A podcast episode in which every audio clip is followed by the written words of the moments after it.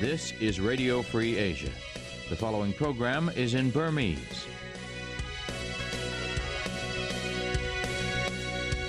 ။မင်္ဂလာပါရှင်။လွတ်လပ်တဲ့အာရှအသံ RFA ရဲ့2023ခုနှစ်ဇွန်လ26ရက်နေ့ တနင်္လာနေ့ညပိုင်းအစီအစဉ်တွေကို American ပြည်ထောင်စု Washington DC မြို့တော်ကနေစတင်ထုတ်လွှင့်နေပါပြီရှင်။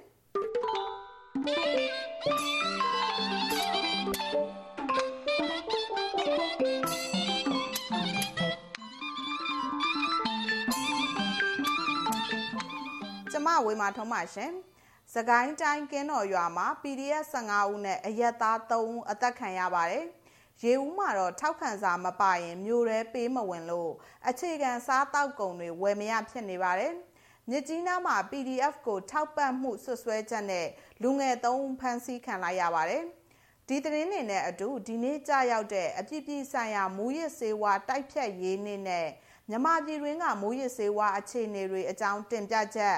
ရုရှားမှာဖြစ်တဲ့ပုံကံမှုမျိုး မြန်မာနိုင်ငံမှာလည်းကြုံတွေ့ရနိုင်တယ်လို့လေးလာသူတွေပြောကြတဲ့အကြောင်းတွေကိုထုတ်လွှင့်မှုပြင်ဆင်ထားပါတယ်ရှင်။အခုတော့သတင်းတွေကိုအရင်ဆုံးထုတ်လွှင့်ပါမယ်ရှင်။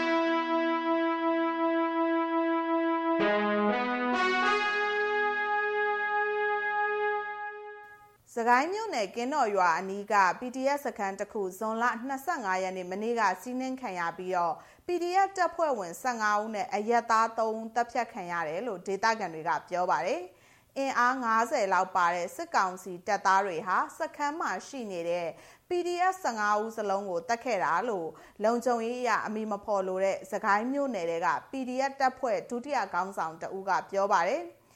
တည်ဆုံးသူတွေဟာအသက်20ကနေ30ဝန်းကျင်အမျိုးသား12ဦးနဲ့အမျိုးသမီး3ဦးဖြစ်ပြီးတော့စစ်ရေးအရာခုခံချိန်မရလိုက်ခင်မှာပဲအသက်ခံလိုက်ရတာလို့ဆိုပါတယ်။အဲ့ဒီစစ်ကြောင်းဟာ PDF စခန်းကိုစီးနှင်းဝင်ရောက်ပြီးနောက်ကင်းတော်ရွာတဲကိုထပ်မံဝင်ရောက်ခဲ့ပြီးတော့အသက်38နှစ်အရွယ်ရွာကန်ကိုမြင့်ကျော်သူနဲ့အသက်50အရွယ်ဦးမောင်စန်းတို့ကိုပါတနက်နဲ့ပြစ်တက်သွားတယ်လို့ဒေသခံတွေကပြောပါတယ်။ ဇွန်လ25ရက်နေ့မှာလည်းအဲ့ဒီစစ်ကြောင်းဟာနောက်ထပ်အင်အား90ထပ်ဖြည့်ပြီးတော့ကင်းတော်မြင်းဆယ်လက်ပံတော်စတဲ့ရွာတွေအပါအဝင်ရွာခုနှစ်ရွာကိုပါစီးနှင်းခဲ့တယ်လို့ဆိုပါတယ်။ညင်းဆယ်ရွာကိုဝင်ရောက်ချိန်အသက်69နှစ်အရွယ်ဦးပေါက်စပြစ်တက်ခံရတယ်လို့သူ့ရဲ့ဇနီးဖြစ်သူပါပျောက်ဆုံးနေပြီးတော့အသက်50အရွယ်အမျိုးသားတဦးလည်းတနက်ထိမှန်လို့စိတ်ကူးတမှုခံယူနေရတယ်လို့ဒေသခံတွေကပြောပါတယ်။ စစ်ကောင်စီဘက်ကတော့ကင်းတော်နဲ့ဥယျင်ရွာအနီးက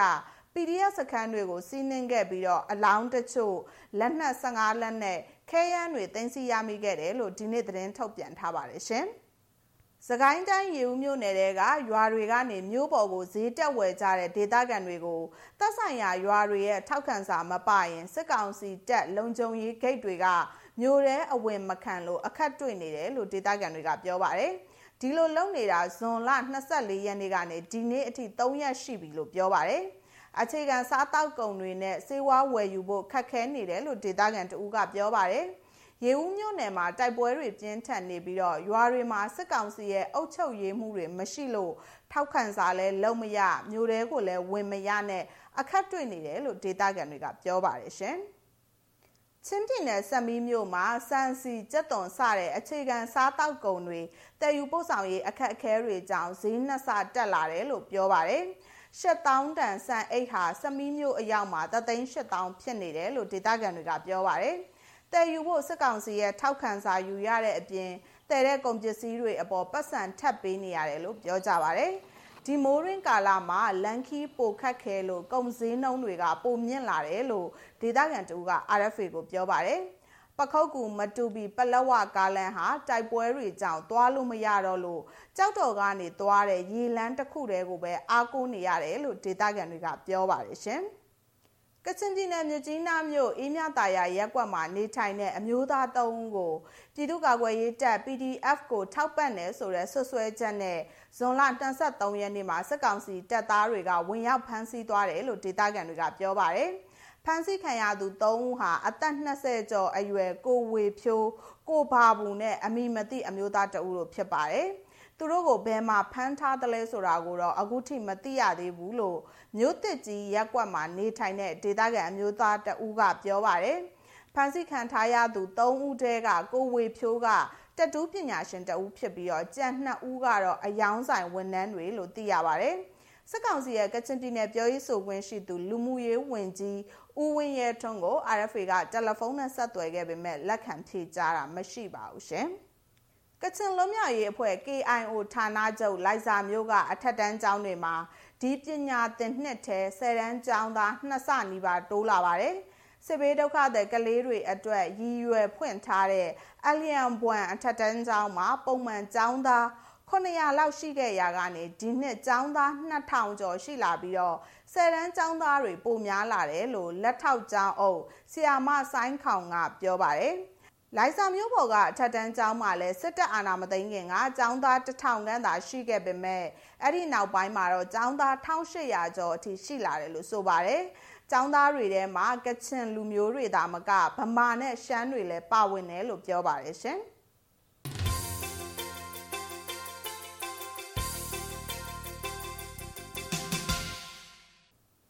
သတင်းတွေကိုထုတ်လွှင့်ခဲ့တာပါရှင်။အခုဆက်လက်ပြီးတော့သတင်းဆောင်မတွေကိုထုတ်လွှင့်ပါမယ်။ မြန်မာနိုင်ငံမှာဖမ်းဆီးရမိတဲ့မူရစ်စေဝါတွေကိုမီးရှို့ပြနေပေမဲ့မူရစ်စေဝါရောင်းဝယ်သုံးစွဲမှုတွေကတော့တွင်တွင်ကြဲကြဲရှိနေသေးပဲလို့တိုင်းရင်းသားလက်နက်ကိုင်အဖွဲ့တွေနဲ့တိုက်ဖြတ်ရေးလုပ်နေသူတွေကပြောပါတယ်။စစ်ကောင်စီပြည်ထရေးဝန်ကြီးကလည်းမူရစ်စေဝါတရားမဝင် ရောင်းဝယ်မှုတွေကရော့မသွားဘူးလို့ဒီနေ့ကြာရောက်တဲ့အပြည်ပြည်ဆိုင်ရာမူရစ်စေဝါတိုက်ဖြတ်ရေးနေ့မှာပြောပါတယ်။မခတ်မှာတင်ပြထားပါတယ်ရှင်။ ရှမ်းပြည်နယ်မြောက်ပိုင်းမှာ2018ခုနှစ်ကနေ2023မေလအထိ9နှစ်တာဖမ်းဆီးရမိခဲ့တဲ့ကြက်သိန်းပေါင်း9000တန်ဖိုးရှိမူရစ်စေဝါတွေကိုဒီနေ့ကြာရောက်တဲ့ပြည်ပြည်ဆိုင်ရာမူရစ်စေဝါတိုက်ဖြတ်ရေးနေ့မှာမီးရှို့ဖျက်ဆီးလိုက်တယ်လို့တအန်းအမျိုးသားလူမျိုးရေးတပ်မတော် TNLA ကဒီနေ့သတင်းထုတ်ပြန်ပါတယ်မူရစေဝါသုံးစွဲမှုတွေကလည်းစစ်တပ်ကအာဏာသိမ်းပြီးတဲ့နောက်မှာပိုများလာတယ်လို့ တအန်းအမျိုးသားလူမျိုးရေးတပ်မတော် TNL ပြောခွင့်ရဒုတိယဗိုလ်မှူးကြီးမိုင်းအိုက်ကျော်က RFA ကိုပြောပါတယ် ရောင်းဝယ်မှုက ဘယ်ကနေလာလဲဆိုတော့ပြင်းပြကို ပြန်ကြည့်လို့ဆိုတော့ဒီမြို့ပေါ်ကနေ စီးဆင်းလာတဲ့ဟွာတွေပဲ ဖြစ်တယ်။တရားဥပဒေစိုးမိုးရေး လုပ်ပါတယ်ဆိုတော့ရဲတဲ့စစ်တပ်တွေရှိတဲ့ချမ်းကနေပဲ စီးဆင်းလာတယ်။အခြားတနေရာကို ပို့ဖို့အတွက် ရောင်းဝယ်ဖို့အတွက် ကျွန်တော်တို့တောက်ကို ဖြတ်တန်းသွားလာတဲ့အချိန်မှာ ကျွန်တော်ဖမ်းမိတာဖြစ်တယ်။ဒီတုံးဆွဲမှုပိုင်းကတော့ အာနာမသိခင်နဲ့ အာနာသိပြီးနောက်ပိုင်းမှာ အာနာသိပြီးနောက်ပိုင်းမှာတော့ နည်းနည်းပုံများတယ်လို့တော့ အဲ့လိုမျိုးတော့ မြင်တယ်။ခါတည်းကကျွန်တော်မြို့တွင်းကြီးကိုကျွန်တော်ဝင်ဖမ်းရတဲ့အဖြစ်မျိုးလည်း ရှိတယ်ပေါ့နော်။ဒီအများဆုံးတော့ဒီမြို့ပုံကျင်းနေဟိုတော့တွိုင်းမှာတုံးဆွဲကြတာဖြစ်တယ်ဒီတော့ဘက်မှာတော့ သိမရှိဘူး မူရစေဝါထုတ်လုပ်မှုတွေဟာ စစ်ကောင်စီလက်အောက်ခံ ပြည်သူစစ်တပ်ဖွဲ့ဝင်တွေနဲ့ ဆက်ဆက်နေပြီး အများစုက ပြည်သူစစ်တွေရဲ့ လစာနဲ့ ရိတ်ခါတွေအတွက် အသုံးစရိတ်ပြန်ရဖို့လှုပ်ဆောင်နေတဲ့ အခြေအနေကို တွေ့ရတယ်လို့ TNL ရဲ့ ဒုတိယ ဗိုလ်မှူးကြီး တာအိုက်ကျော်က ပြောပါတယ်။ရှမ်းပြည်ပြည်လဲထူထောင်ရေးကောင်စီ ရှမ်းပြည်တပ်မတော် RCSS SSA ထိန်းချုပ်နယ်မြေတွေအတွင်းမှာလည်း မွေးရစေဝါတိုက်ဖြတ်ရေးနေ့အထိမ်းအမှတ်အနေနဲ့အသိပညာပေးလုပ်ငန်းတွေလုပ်ခဲ့တယ်လို့ RCSS ကသတင်းထုတ်ပြန်ပါတယ်။မြန်မာနိုင်ငံမှာစစ်တပ်ကအာဏာသိမ်းထားတဲ့ကာလအတွင်းမူရစ်စေးသုံးဆွဲမှုဟာမြို့ပေါ်ကနေကြေးရွာတွေအထိပါပြန့်နှံ့လာနေပြီးတော့ထိန်းချုပ်ရေးအပိုင်းမှာလည်းပို့ပြီးတော့ခက်ခဲလာတယ်လို့ဒေတာတွင်မူရစ်စေးဝါတိုက်ဖြတ်ရေးလုပ်ကိုင်နေသူတွေကပြောပါတယ်။ဈေးကွက်အတွင်းမှာလူအများဆုံးသုံးတဲ့ရာဘာလို့ခေါ်တဲ့ဒစိမ့်မျိုးစုံပါတဲ့စိတ်ကြွဆေးပြားတစ်ပြားကို မြန်မာငွေကျပ်350နဲ့900ဝန်းကျင်ပဲဈေးရှိပြီးတော့ဘိန်းပြူပနက်စလင်ပလင်းတစ်လုံးကိုကျပ်9000နဲ့9000ဝန်းကျင်နဲ့ပေါ်ပေါ်များများဝယ်လို့ရတဲ့အခြေအနေအထိဖြစ်လာတယ်လို့ဆိုပါတယ်။ရက်ကွက်အတွင်းမှာတန်ဖိုးနဲ့မူရစ်ဆေးတွေအလွယ်တကူရတယ်လို့အာနာသိမ့်ပြီးတဲ့နောက်ပိုများလာတဲ့ KTV လိုအပန်းဖြေနေရာတွေမှာဆိုရင်လေတန်မိုးကြီးခစ်ပေါ်မူရစ်ဆေးဝါးတွေအလွယ်တကူဝယ်လို့ရတဲ့အခြေအနေအထိဖြစ်နေတာကြောင့် မူရစ်ဆေးတိုက်ဖြတ်ရေးလုပ်ငန်းလုပ်ကိုင်နေသူတွေအတွက်အခက်အခဲဖြစ်ရတယ်လို့နှစ်ပေါင်း30ကြာအောင်မူရစ်ဆေးဝါးတားဆီးရေးလုပ်ငန်းတွေလုပ်ကင်လာတဲ့ကြောက်မဲမြို့ကန်ဦးတမောင်သိန်းကပြောပါတယ်။ဆေးကုပေးပြီးတော့တန်ရှင်းသွားတဲ့ကလေးတွေပြန်တောင်းတဲ့ဒါတွေလည်းကျွန်တော်တို့ကစီစစ်တဲ့အခါမှာနောက်ဆုံးတစ်ချက်ပဲတွေ့တယ်။အလွယ်တကူဝယ်လို့ရနေတယ်။ဘယ်ပတ်ဝန်းကျင်ဖြစ်ဖြစ်အလွယ်တကူဘာလို့ဝယ်နေရနေတယ်လဲ။ကျောင်းတဲ့လူကလည်းရှင်ရနေအဲ့ဒါတွေဟာအဖြစ်မူရစ်ဆေးဝါးနဲ့ပတ်သက်တဲ့မြေပြင်မှာအမှန်တကယ်ဖြစ်နေတဲ့ဟာတွေပါ။ ရှေ့လျှောက်ကတော့ ဒီတိုင်းကတော့ ရင်လေးစရာတွေ အင်တန်ကောင်းပါတယ် မြန်မာနိုင်ငံမှာ မူရစ်ဆေးဝါး စိုက်ပျိုး ထုတ်လုပ် သယ်ဆောင် ရောင်းဝယ်မှုတွေကို ဖမ်းဆီးနိုင်မှုတွေ ရှိနေပေမဲ့မမူရစေဝါတရားမဝင်တည်ဆောင် ရောင်းဝယ်မှုတွေကတော့ညော့နေသွားတာ မရှိဘူးလို့ စစ်ကောင်စီရဲ့ ပြည်ထရေးဝန်ကြီး ဒုတိယဗိုလ်ချုပ်ကြီး စိုးထွတ်က ဒီနေ့ကြာရောက်တဲ့ အပြည်ပြည်ဆိုင်ရာ မူရစေဝါတိုက်ဖြတ်ရေးနေ့အတွက် ပေးပို့တဲ့တဝန်လွှာမှာ ထည့်သွင်း ဖော်ပြထားတာကို တွေ့ရပါတယ်။တိုင်းနယ်ပြည်နယ်တချို့မှာ အာဏာသိမ်းပြီးနောက်ပိုင်း မူရစေဝါတွေထုတ်လုပ်သုံးစွဲမှုပိုများလာတာဟာရာဘာနဲ့ဘိန်းပြူတွေကိုအရင်လိုတနေရာထဲမှာပဲကုံကြောအနေနဲ့ထုတ်လုပ်တာမဟုတ်ပဲကုံချမ်းအဆင့်ဆင့်ကိုရွှေ့ပြောင်းစနစ်နဲ့ထုတ်လုပ်တဲ့အနေအထားကြောင့်ဖြစ်တယ်လို့အမည်မဖော်လိုတဲ့ရှမ်းပြည်မြောက်ပိုင်းအခြေစိုက်စစ်ကောင်စီလက်အောက်ခံပြည်သူစစ်တပ်ဖွဲ့အရာရှိကြီးတူကပြောပါတယ်။ရောင်းဝယ်ရမှာလဲအွန်လိုင်းကနေငွေချေတဲ့စနစ်နဲ့ချိတ်ဆက်လှုပ်ဆောင်လာတာကြောင့်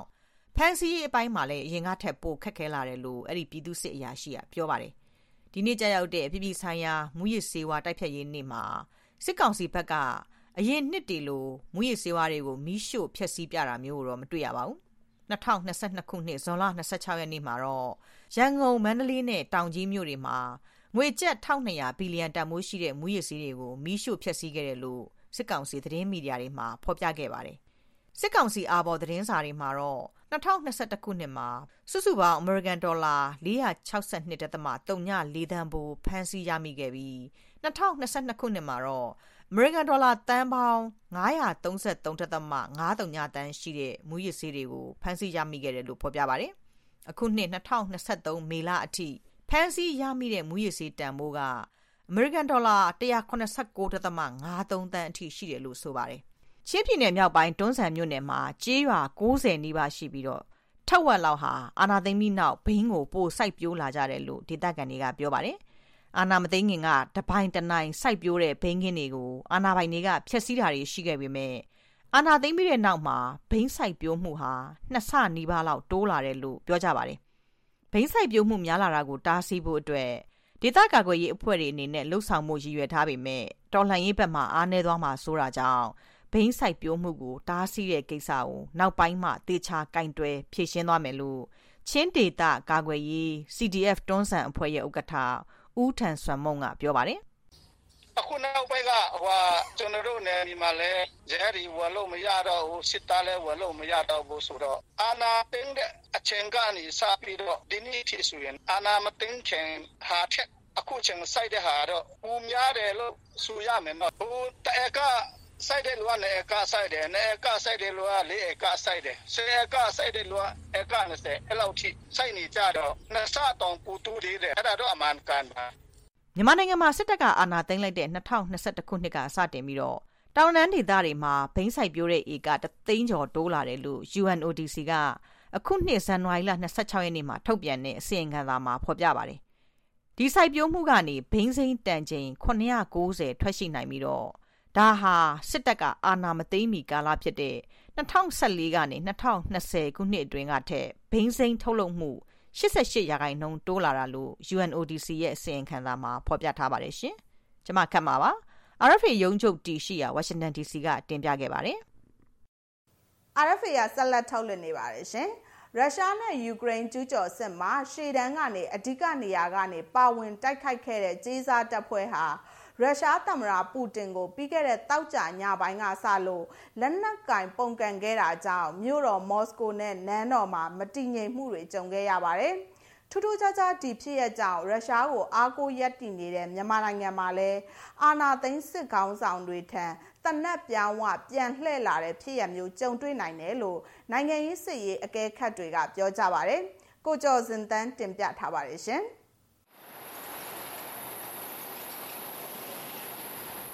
ဒီရက်ပိုင်းအတွင်းကမ္ဘာမီဒီယာတွေမှာထိတ်တန့်သတင်းဖြစ်ခဲ့တဲ့ရုရှားသမ္မတဗလာဒီမာပူတင်ကိုရုရှားကြီးစားတပ်ဖွဲ့ကလက်နက်ကင်ပုံကွယ်တာမျိုးမြန်မာနိုင်ငံမှာလည်းကြုံရနိုင်ပြီးအနာသိစစ်ကောင်းဆောင်ဘက်ကိုအနက်ပြောင်းဝပြန်လှည့်လာတာမျိုးမကြခင်ဖြစ်လာနိုင်တယ်လို့နိုင်ငံရေးစစ်ရေးအကဲခတ်တွေကပြောပါတယ်။ရုရှားကယူကရိန်းကိုကျူးကျော်ရမှာအဓိကရှေ့တန်းစစ်မျက်နှာကနေတိုက်ခိုက်ပေးခဲ့တဲ့ဝဂနာဂျေဇာ တပ်ဖွဲ့ခေါင်းဆောင်အီဗနီပရီဂိုရှင်ကပြီးခဲ့တဲ့တောက်ကြညဆလို့ ရုရှားသမ္မတ ပူတင်ကိုအခမ်ဘီမော်စကိုကို တိုက်ခိုက်ဖို့ခြေတက်လာတဲ့အတွက် မော်စကိုတမြို့လုံး ထိတ်လန့်တုန်လှုပ်ပြီး လုံခြုံရေးတိုးမြင့်ခဲ့ရပါတယ်။ဘီလာရုစ်သမ္မတရဲ့ဂျားဝယ်ကြီးနိုင်မှုကြောင့် မော်စကိုမှာ သွေးချောင်းစီးမှုတွေ မဖြစ်ဘဲ ပြဿနာ ယာယီပြေလည်သွားပေမဲ့ဒီဖြစ်ရက်က ယူကရိန်းစစ်ပွဲကို ဖန်တီးခဲ့တဲ့ သမ္မတပူတင်ရဲ့ အာဏာစက်နဲ့ ထိန်းချုပ်နိုင်မှုအပေါ်အကြီးအကျယ်မဲခွန်းထုတ်เสียဖြစ်နေပြီးအရှက်ရစေခဲ့ပါတယ်။အာဏာသိမ်းသက်တမ်းနှစ်နှစ်ကျော်လာပြီးနိုင်ငံတော်လက်နက်ကန်တော်လှန်မှုတွေကိုရင်ဆိုင်နေရတဲ့မြန်မာစစ်ကောင်းဆောင်အတွက်လည်းအလားတူပုံကံမှုမျိုးကြုံရနိုင်တယ်လို့စစ်တပ်စီဒီအရာရှိဗိုလ်ကြီးကောင်းသူဝင်းကပြောပါတယ်။ဟောဒီလိုမျိုးအခုနက PDF PDF တို့ပေါ့နော် အတူတူမျိုးတွေအားတော့ပုံမှန်ကောင်းပုံမှန်နိုင်ပါတယ်ဆိုတော့အတူတို့ဟိုတေတို့လို့တော့ဒါရှင်းတော့တော့တေခိုင်းရဲ့ပုံမှန်ပြညောက်ဒီစားမျိုးတို့ဒါနာမည်ခါကကြုံလာတဲ့အချိန်ကြရင်တော့ အဲ့လိုမျိုးဖြစ်ကတော့အာဒါပုံမှန်ကောင်း ပုံမှန်နိုင်ပါတယ်ဝဂနာတပ်ဖွဲ့ခေါင်းဆောင်အီဗနီပရီကိုရှင်ဟာ သမ္မတပူတင်နဲ့ အနှစ်30ကျော် ရင်းနှီးတဲ့ မိတ်ဆွေတယောက်ဖြစ်ပေမဲ့ ယူကရိန်းစစ်ပွဲ အချိန်ကြာလာတာနဲ့အမျှ စစ်သားအမြောက်များတေဆုံးရမှုရှေ့တဲ့စစ်မျက်နှာကိုလက်နက်နဲ့ရိတ်ခါအရှိန်မပို့နိုင်မှုတွေနဲ့ပတ်သက်ပြီးရုရှားသမ္မတကာကွယ်ရေးဝန်ကြီးနဲ့ထိတ်တန့်စစ်ဗိုလ်ချုပ်တွေကိုစီမံခန့်ခွဲမှုရပြင်းလွှဲတယ်ဆိုပြီးမကြာခဏဝေဖန်လေးရှိပါတယ်။အဲ့ဒီနောက်တိတ်မကြခင်မှာပဲအခုလိုလက်နက်ကင်ပုံကံမှုမျိုးဖြစ်ခဲ့တာပါ။မြန်မာနိုင်ငံမှာလည်းနေရာအနှံ့ကလက်နက်ကင်တော်လှန်မှုတွေကိုထိရှုံနိုင်ဖို့ မြန်မာစစ်တပ်ကအကြီးအကျယ်စူးစမ်းနေရပြီးကရင်နဲ့ကရင်ဒီဖက်မှာစစ်သားအများပြားသေဆုံးတာတိုက်ပွဲအတွင်းအသက်ရှင်လျက်ဖမ်းဆီးခံရတာတက်ရင်အလိုက်လက်နက်ချတာမျိုးတွေကိုမြင်နေရတယ်လို့တိုင်းရင်းသားလက်နက်ကင်အဖွဲ့တွေကဆိုပါတယ်မြန်မာစစ်ဗိုလ်ချုပ်တွေထံတနက်ပြောင်းဝပြန်လှည့်လာတဲ့ဖြစ်ရမျိုးမကြခင်မှာကြုံရလာနိုင်တယ်လို့မြို့သားညီညွတ်ရေးအစိုးရဝန်ကြီးချုပ်ရုံပြောခွင့်ရသူဥနေမုံလက်ကပြောပါတယ် ရုရှားမှာဖြစ်တယ်လို့လည်းတစ်ချိန်ချိန်ကြာရင်ဖြစ်မလာဘူးလို့မပြောနိုင်ဘူးပေါ့နော်။ဘာဖြစ်လို့လဲဆိုတော့ဒီအချိန်မှာမင်းမင်းအွန်လိုင်းတုံးနေတဲ့အလုပ်တွေကဘာမှလည်းအောင်မြင်မှုမရှိဘူး။သူတို့အတွင်းအတွင်းကြားထဲမှာပဲစစ်ဗိုလ်ချုပ်ချို့ကအာဏာကြီးမြဲရေးအတွက်ဒီအောက်ခြေစစ်သားတွေကိုထိုးကျွေးနေတယ်ဆိုတဲ့အယူဆတွေကပို့ပို့ပြီးတော့ဒါပြောပြောနေပြောနေဆိုနေကြတာရှိလာပြီပေါ့နော်။အဲ့တော့ကြောင့်မလို့ဒီရုရှားမှာဖြစ်တယ်လို့မျိုးဒီတနက်ပြောင်းပြန်လှည့်တယ်ဆိုတော့အဲကာလာတစ်ခုကတော့ဒါမကြခင်လဲရောက်လာနိုင်တဲ့အနေလို့ကျွန်တော်တို့သုံးသပ်ပါတယ်ဟုတ် ဝဂနာကြေးစားတပ်တွေနေဆက်ကမြို့နှမြို့ကိုသိမ်းပိုက်ချိန်နဲ့မြို့တော်မော်စကိုကိုခြိတက်လာစဉ်မှာရုရှားစစ်တပ်ကပြန်မတိုက်တာမြို့ခံရုရှားပြည်သူတွေကတောင်းတောင်းဖြဖြကြိုးဆိုတာကိုကြည့်ရင်သမ္မတပူတင်ရဲ့လုပ်ရက်တွေနဲ့ယူကရိန်းကျူးကျော်စစ်အပေါ်ရုရှားပြည်သူတွေကိုယ်တိုင်မယုံကြည်တော့တာသိတာထင်ရှားစေတယ်လို့လည်းနိုင်ငံရေးစစ်ရဲ့အကေခတ်တွေကပြောပါတယ်ဒီကိစ္စနဲ့ပတ်သက်လို့စစ်ကောင်စီရဲ့အမြင်သဘောထားသိနိုင်ဖို့ စစ်ကောင်စီပြောခွင့်ရဗိုလ်ချုပ်ဇော်မင်းထွန်းကို RFA ကဒီနေ့ဖုန်းခေါ်ခဲ့ပေမဲ့ဖုန်းလက်ခံမဖြစ်ဆိုပါဘူးစစ်တပ်အရာရှိဟောင်းတွေနဲ့စုဖွဲ့ထားတဲ့တင်နဂမဟာဗျူဟာလေးလာရဲ့အဖွဲ့အမှုဆောင်ညွှန်ကြားရေးမှူးဦးသိန်းထွန်းဦးကတော့ရုရှားနဲ့မြန်မာကအခြေအနေချင်းမတူတာကြောင့်မြန်မာပြည်မှာဒီလိုလက်နက်ကင်ပုံကံမှုမျိုးဖြစ်မလာနိုင်ဘူးလို့ပြောပါတယ် မြန်မာတပ်မတော်နဲ့ ပတ်သက်တော့ ချိတ်ဆက်ရေးဆောင်လို့ရမှာတော့ဆိုင်မဆိုင်လို့ဆိုတဲ့ အနေအထားကြီးတော့ဒီဒီနာတပ်ဖွဲ့လေးမြန်မာနိုင်ငံမှာတင်ထားမှာမရှိပါဘူး။တော့ခက်စင်နေနေဒီရက်တော့ကြည့်လာတော့ဒီပြည့်ပြည့်ဖွဲ့ပြီးတော့တော့ဒီသူတို့ပြန်ပြန်ပေးထားတယ်ဒီတပ်မတော်ရဲ့နိုင်ငံရေးဖြစ်စီအားရသွားတော့ အဲ့ဒါကတော့ ထပ်ပြီးမကြားရတဲ့ကြောင့်ဟိုတွားပြီးတော့ဒီရှင်တွဲရဲ့ပုံတက်လို့ပြောမှာမဟုတ်ဘူး။ကရားပြည်နယ်မှာ ဇွန်လ23ရက်နေ့ကလေးက ဖြစ်နေတဲ့မေစစ်မြို့ ရက်ရှည်တိုက်ပွဲမှာ စစ်ကောင်စီတပ်လက်အောက်ခံနေကြဆောင်တပ် BGF အသွင်ပြောင်းထားတဲ့ကရင်နီလူမျိုးပေါင်းစုံပြည်သူ့လွတ်မြောက်ရေးတပ်ဦးကလလတတပ်ဖွဲ့ကစစ်ကောင်စီတပ်ကိုပြန်လည်တိုက်ခိုက်နေတယ်လို့ကရင်နီတော်လှန်ရေးအင်အားစုတွေကပြောပါတယ်။ဒါပေမဲ့အသေးစိတ်အချက်လက်တွေကိုအတိအကျထုတ်မပြောပါဘူး။အဲ့ဒီရက်ရှည်တိုက်ပွဲမှာမေဆေးမျိုးအခြေဆိုင်ခမရ430တရင်ကတရင်မူဒုတရင်မူတွေအပါအဝင်တရင်တစ်ခုလုံး ဇွန်လ25ရက်နေ့ကလက်နက်ချခဲ့တယ်လို့လည်းကရင်နီတော်လဲတပ်ဖွဲ့တွေကိုကိုးကားပြီးပြည်တွင်းသတင်းမီဒီယာတချို့ကရေးသားဖော်ပြကြပါတယ်။ဒါနဲ့ပတ်သက်ပြီး RFA ကတိကျအတည်ပြုနိုင်ခြင်းမရှိပါဘူး။နိုင်ငံရဲ့လေးလာသုံးသက်သူဦးတန်းစိုးနိုင်ကတော့အာနာရှင်စစ်ကောင်းဆောင်တွေကိုအောက်ခြေကဆန့်ကျင်မှုတွေဟာမြမပြည်မှာအခုကတည်းကစတင်နေပြီလို့ပြောပါတယ်။ အာဏာရှင်ကောင်းဆောင်တွေကို သူတို့ဆင်နွှဲနေတဲ့ မတရားတဲ့ စစ်ပွဲတွေ အကြောင်းပြုပြီးတော့ အောက်ခြေကနေပြီးတော့ တုံ့ပြန်ဆန့်ကျင်မှုတွေ ပေါ်ပေါက်လာတာကောင်းတဲ့လက္ခဏာပါ အဲဒီကောင်းတဲ့ လက္ခဏာတွေဟာလေဗမာပြည်မှာ အခုစနေပြီလို့ ကျွန်တော်တို့ယူဆပါအခုမက်ဆက်နာမှာတိုင်းရင်းပြင်းလို့ဗလက်နက်ချလိုက်တယ် ဒါကြောင့်မို့ ကျွန်တော်တို့တရားပြည်နယ်ဟာ လွတ်မြောက်တဲ့ဒေသတစ်ခု ပထမဆုံး ဖြစ်လာနိုင်တဲ့စီးအနေထားကြီးရောက်ရှိသွားပါတယ် စစ်အာဏာရှင်တွေကို အောက်ခြေတက်တွေကဆန့်ကျင်မှုတွေဟာတဖြည်းဖြည်းနဲ့တိုးလာနိုင်တယ်လို့လည်းဦးသန်းစိုးနိုင်ကသုံးသပ်ပါတယ်။မကွေးတိုင်းပေါ့မြို့နယ်ကလုံခြုံရေးအရာမြေမဖော်လို့တဲ့ဒေသခံတဦးကတော့လက်ရှိမကွေးတိုင်းမှာဖြစ်ပျက်နေတဲ့စစ်ကောင်စီတပ်ရဲ့အခြေအနေကိုကြည့်ရင်တော်လင်းအင်အားစုတွေအားကောင်းလာတာနဲ့အမျှအာဏာသိမ်းစစ်ကောင်းဆောင်ကိုပုံကယ်မှုမျိုးကဖြစ်လာနိုင်တယ်လို့ပြောပါတယ်။ဟို ထိန်းချုပ်မှုအားမကောင်းနိုင်ဘူးနောက်ကနောက်ကထောက်မှုအားမကောင်းနိုင်ဘူးရှိတဲ့မှာသွားတဲ့ရဲဘော်တွေမှာခက်ခဲရှိတယ်ဟိုဒါပေမဲ့တချို့သူစစ်ကြောင်းမထိုးကျင်တော့အောင်ဖြစ်သွားတယ်မျိုးဒီကြောင်းတွေမရှိတော့တာများတယ်ဗျအရင်လူကြီးမထိုးနိုင်တော့တာရှိတယ်လေကြောင်းရှိတယ်ဒါဒါဒီလောက်ပဲရှိတော့ဆိုတော့ကျွန်တော်ကတော့နောက်ပိုင်းကဏ္ဍမှာဟိုထိန်းချုပ်မှုအားကောင်းလာတဲ့နေ့အပြတ်တစ်ဖက်မှာအဲ့လိုပုံကမှုတွေဖြစ်လာနိုင်တယ်ဗျရုရှားသမ္မတပူတင်ကိုလက်နက်ကင်ပုံကယ်ဖို့စ조사ခဲ့တဲ့ဝကနာကျေးစားတက်ရဲ့ခေါင်းဆောင်ကတော့ဘီလာရုစ်သမ္မတရဲ့ဂျောင်းဝင်စစ်ဆက်မှုကြောင့်မော်စကိုကို ဥတီချီတက်ခဲ့တဲ့သူ့ရဲ့စစ်တပ်ကိုနောက်ပြန်လှည့်ပြီးဘီလာရုစ်နိုင်ငံထဲကိုကိုဝင်သွားပါတယ်။ဒီကိစ္စဘာဖြစ်မလဲဆိုတာကိုနိုင်ငံတကာသတင်းမီဒီယာကြီးတွေကမျက်ခြေမပြတ်စောင့်ကြည့်နေပါတယ်။မြန်မာနိုင်ငံမှာတော့လက်ရှိအချိန်ထိအာဏာသိမ်းစစ်တပ်ကိုစွန့်ခေါ်လာပြီးစီဒီအန်လှုပ်လာတဲ့စစ်တပ်နဲ့ရဲတပ်ဖွဲ့ဝင်14000ခန့်ရှိလာပြီလို့မြို့သားညီညွတ်ရေးအစိုးရဝန်ကြီးချုပ်ယုံပြောခွင့်ရဦးနေဖုံးလက်ကပြောပါတယ်။ အာဏာသိမ်းကာလအတွင်းမြန်မာနိုင်ငံကမြို့နယ်ပေါင်း330အနက်255မြို့နယ်မှာလည်းလက်နက်ကင်ပဋိပက္ခတွေဆက်လက်ဖြစ်ပွားနေတယ်လို့2023ခုနှစ်မတ်လ3ရက်နေ့ကုလလူခွင့်ရေးဆိုင်ရာမဟာမင်းကြီးယုံရဲ့နှစ်ပတ်လည်အစည်းအဝေးခန်းစာမှာဖော်ပြထားပါတယ်ခင်ဗျာကျွန်တော်ကကျော်စင်သန်းပါဒီသတင်းကိုအမေရိကန်ပြည်ထောင်စုဝါရှင်တန် DC မြို့တော်ကနေပေးပို့ခဲ့တာပါ RFA ရဲ့တနင်္လာနေ့ညအစီအစဉ်တွေကိုကြည့်ရှုနေရတာပါရှင်။အာနာသိမ့်ပြီးတဲ့နောက်ဖားကန့်မြို့မှော်တွေမှာရေမဆေးသမားတွေဟာအရင်လိုလွတ်လွတ်လပ်လပ်ကြောက်စိမ်းရှာဖွေခွင့်မရတော့ပါဘူး။တရားမဝင်တူးဖော်နေတဲ့ကြောက်စိမ်းကုမ္ပဏီတွေကရေမဆေးရှာဖွေခွင့်မပြုတော့တာနဲ့စစ်ကောင်စီတပ်တွေကရေမဆေးသမားတွေကိုအကြောင်းမဲ့ဖမ်းဆီးရိုက်နှက်တာတွေရှိနေတယ်လို့ဒေသခံတွေကပြောပါတယ်။မတ်စင်မာဝင်တင်ပြထားပါတယ်ရှင်။ စစ်တပ်အာဏာသိမ်းထားတဲ့နှစ်နှစ်ကျော်ကာလအတွင်းအင်တာနက်ဖြတ်တောက်ခံထားတဲ့ဖားကတ်မြို့နယ်မှာအထွေထွေကြက်တဲတွေကြောင့်ရီမစေးသမားတွေရက်တီဖို့ပိုခက်ခဲလာတယ်လို့ပြောကြပါဗျ။ဖားကတ်မြို့ကကြောက်စိမ်းလောက်ကွက်တွေမှာတရားမဝင်တူးဖော်နေတဲ့ကြောက်စိမ်းကုမ္ပဏီတွေကရီမစေးရှာဖွေခွင့်မပြုတော့တာနဲ့စစ်ကောင်စီတပ်တွေကရီမစေးသမားတွေကိုအကြောင်းမဲ့ဖမ်းဆီးရိုက်နှက်တာတွေရှိနေတယ်လို့ဒေသခံတွေကပြောပါတယ်။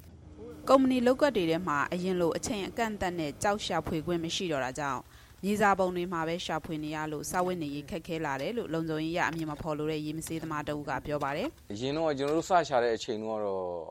ရေမဆေးတွေတော့အဆင်ပြေလို့ပြောအောင်ပါဗျာ။ဘာဖြစ်လဲဆိုတော့ကျွန်တော်တို့အဲ့ချိန်မှာညနေပိုင်းနေ၄နာရီတိုးနဲ့6နာရီကြာကြော်လဲညနေ6နာရီကြာကိုကျင်းနဲ့တူပြီးတော့ဝင်တူးပိုင်ခွင့်ရှိတယ်။မြေစာပုံနဲ့လွတ်လွတ်လပ်လပ်ရှာပိုင်ခွင့်ရှိတယ်ဗျ။ ခုကျတော့ဘာကွာလဲတော့ကျင်းနဲ့လည်းမစင်းရ။ခုပြစ်တဲ့မြေစာတောင်မှမရှာရဘူးဆိုတော့ကျွန်တော်ရေမစရာကြောက်ရှာမှာထမင်းစားဆိုတော့ကြောက်မရှာတော့ဘာသွားစားမယ်နော်ပြီးတော့ဘာလို့ကလဲတော့မရှိရှိတဲ့ဟိုတော့ပြပြီးသားမြေသားကိုအဟောင်းတွေကိုကျွန်တော်တို့ကပြန်တူးနေရတာရလို့ရညာနဲ့အဲ့ဒါလေးတွေကအဲ့ရပြန်တူးစားနေတော့ရင်လုံးဟန်းနဲ့ခုနဲ့နှိုင်းရှင်မယ်ဆိုရင်တော့တော်တော်တော့ကွာသွားတော့ဗျာရင်လုံးနဲ့ဆိုင်ပိုးကြက်ကြက်တဲ့တယ်ခုက အမျိုးသားဒီမိုကရေစီအဖွဲ့ချုပ် NLD အစိုးရလက်ထက်က ကုမ္ပဏီလောက်ကွက်တွေမှာ အချိန်သတ်မှတ်ပြီး ရေမစည်းသမားတွေ တရားဝင်ကြောက်ရှာဖွေခွင့်ရခဲ့ပါတယ်။ဖားကတ်မြို့မှာ အခုနှစ်ဆန်းပိုင်းကစပြီး ကချင်လွတ်မြောက်ရေးတပ်မတော် KIA နဲ့ စစ်ကောင်စီတပ်တွေအကြား တိုက်ပွဲတွေပြင်းထန်နေတယ်လို့စစ်ကောင်စီကလည်း ဖားကတ်မြို့ကိုတင်ပို့တဲ့ စားတောက်ကုန်နဲ့73စီတွေကိုနိုင်ရစစ်စီရေးဂိတ်မှာ မကြာခဏပိတ်ပင်တယ်လို့ဆိုပါတယ်စစ်ကောင်စီတပ်ကဖားကတ်မြို့အတွင်းလုံခြုံရေးတင်းကျပ်ထားပြီး KIA ကိုထောက်ပံ့နေဆိုတဲ့ဆွဆွဲချက်နဲ့ စွန့်ပစ်မြေစာပုံတွေအထိတောက်ရှာဖွေနေသူတွေကိုဝင်ရောက်ဖမ်းဆီးတာတွေလည်းပိုများလာတယ်လို့ရင်မစည်းသမားတွေကပြောပါတယ်။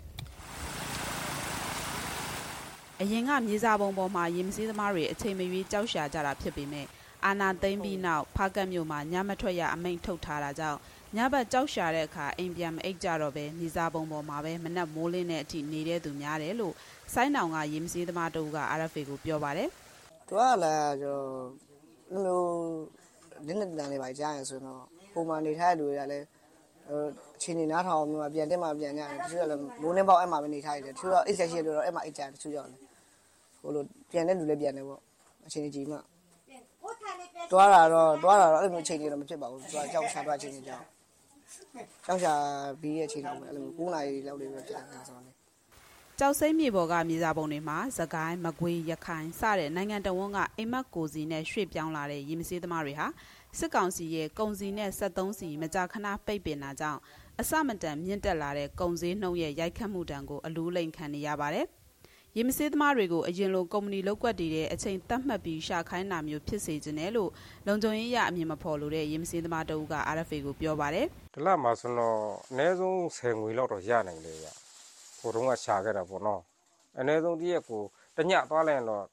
တောင်းငွေတော့ဘလို့ရှိတယ်တောင်းနဲ့တောင်းအနည်းဆုံးအောက်ထိဆုံးအဲ့လိုရတယ်။ကြောက်လဲရောင်းလို့အဆင်ပြေတယ်။လောဘနဲ့လည်းတော်တော်ဝယ်ရတယ်ပေါ့နော်။ပြည်သူတွေရောအားလုံးယူမစီတွေရောပါပဲ။ရာဒီမော်ထဲမှာနေတဲ့အားတွေကိုတော့နည်းနည်းညာတာတဲ့နေပေါ့နော်။ဒါလေးရှာပြီးသူ့အချိန်လေးနဲ့သူပေါ့သူတို့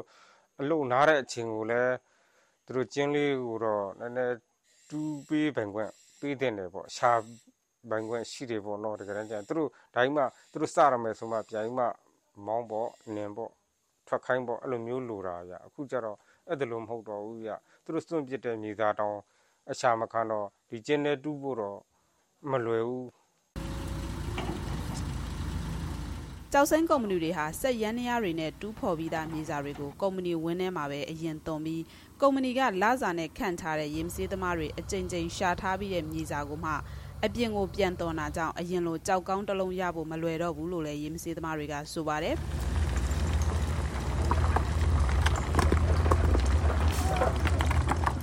လက်ရှိဖားကတ်မှာကြောက်စိမ်းတူးဖော်နေတဲ့လောက်ကွက်အများစုဟာအဖွဲ့အစည်းတွေနဲ့ချိတ်ဆက်တူးဖော်နေတဲ့လောက်ကွက်တွေဖြစ်ပြီးနေရောညပါဆက်ရန်ရတွေနဲ့တူးဖော်နေကြတယ်လို့ရေမစေးသမားတွေကပြောပါတယ်။ကချင်ပြည်နယ်ရဲ့ပြောရေးဆိုခွင့်ရှိသူလူမှုရေးဝန်ကြီးဦးဝင်းရဲထွန်းကတော့ ဖားကတ်မှာကုမ္ပဏီတွေကြောက်စိမ်းရှာဖွေဖို့လောက်ကွက်အသစ်ချပေးထားတာမရှိဘူးလို့ RFA ကိုမကြာခဏဖြေဆိုမှုပါတယ်။စီရေးအခြေအနေရှုပ်ထွေးနေတဲ့ဖားကတ်မြို့နယ်မှာဗတ်ပေါင်းစုံကနေတနေ့ထက်တနေ့ပိုကျက်တဲလာလို့ရက်တီဖို့ခက်ခဲလာတယ်လို့လုံခြုံရေးရအမြင်မဖော်လို့တဲ့ရေမစည်းသမားတအုပ်ကပြောပါတယ်။ဆိုရင်ဘူပန်မှုကတော့ပြောနေပါနဲ့။ဟိုရင်းတော့ဆိုရင်ဗါတယ်မပရာမြည်လူပြောမှာပါ။ဘဘပေါင်းဆုံးကပါစိတ်ဆင်းရဲမှုကတော့နိုင်ငံရေးကမကောင်းစီးရေးကကြောက်လူပြီးရလောရတာကိုယ့်အိမ်ကိုလည်းမကက်ရ။အအခြေအနေလေးပြန်ကောင်းလို့ရှာပြန်တော့လဲ ကျင်းနေရဟိုမှာညီသားဘုံကကြောက်မရှာရဆိုတော့ဘပေါင်းဆုံးပါပဲစိတ်ဆင်းရဲမှုကတော့ပြောမနေနဲ့။အဲ့ဒါကတော့ရဲလူကြီးမစည်းတိုင်းခံစားနေရဒီဘက်မှော်နေတဲ့လူတွေကတော့ရေတံညစုလဲစိတ်ဖြောင်းဖြောင်းမအေးရဘူးပေါ့ဗျာဘယ်ချိန်မှဝင်ဆွဲမလဲအဲ့လိုဒီခါလေးတိုင်ဝဲဂျားညက်မှလဲကြောက်ရအဲဒီခါလေးလူမပြီးရိုက်ခမ်းမှာကြောက်ရတခါလေးအဲ့ဒါတွေမျိုးစုံကြောက်နေရတာပါဒီဘက်နေရတာတော့ဒါမလွဲတာကိုကလည်းဒီကိုနေနေတဲ့မှော်ဆိုတော့တန်အောင်စင်ရှိတော့ ဒီမှာပဲလှုပ်စားတတ်တာဆိုတော့ဒီမှာပဲနေကြတာလေတချို့ကတော့တန်အောင်စင်တွဲနေကြတယ်ဒီမှာတထေးဖြစ်ဖို့အိမ်မက်ကိုစီနဲ့ရောက်လာကြပေမဲ့စစ်ရေးရှုပ်ထွေးမှုနဲ့ကုံစင်းနှုံးအစမတန်မြင့်တက်မှုတန်တွေကြားမှာမြေစာပုံကရေမစေးသမားဘဝတွေပိုပြီးခက်ခဲလာတယ်လို့မွေးရစေးဝါဆွဲသွားတဲ့လူတွေလည်းအများအများရှိနေပါတယ်။ဒေသခံတိုင်းသားတွေနဲ့မြန်မာနိုင်ငံအရရက်ကလူပေါင်း၄သိန်းနီးပါးဟာရေမစေးကြောက်ရှာဖွေသူတွေအနေနဲ့ ဘေးကင်းလုံခြုံမှုမရှိတဲ့အခြေအနေမှာအလုပ်လုပ်ကင်နေကြရတယ်လို့ Global Witness ရဲ့နောက်ဆုံးထုတ်ပြန်ချက်မှာဖော်ပြထားပါတယ်ရှင်။ကျွန်မစင်မဝဲမှာ American ပြည်ထောင်စု Washington DC ကနေတင်ပြလိုက်တာပါရှင်။ဒီစီဇန်နဲ့ပဲလွတ်လပ်တဲ့အာရှအသံ RFA ရဲ့တင်းနှင်းလာနေညပိုင်းထုတ်လွှင့်ချက်တွေကိုရန်နာခွင့်ပြုပါရှင်။ဒီညအစီအစဉ်ကိုတာဝန်ခံ editor မခတ်မှာထုတ်လုပ်ရင်းမှုကိုကျော်စင်တန်းကျမဝေမာထွန်းနဲ့အတူ RFA အဖွဲ့သားတွေပူးပေါင်းတင်ဆက်ခဲ့တာပါ။ RFA ကိုကြည့်ရှုတဲ့အတွက်ကျေးဇူးအထူးတင်ပါတယ်။မြန်မာပြည်သူပြည်သားများဘေးရန်ခတ်သိမ်းကင်းဝေးပါစေရှင်။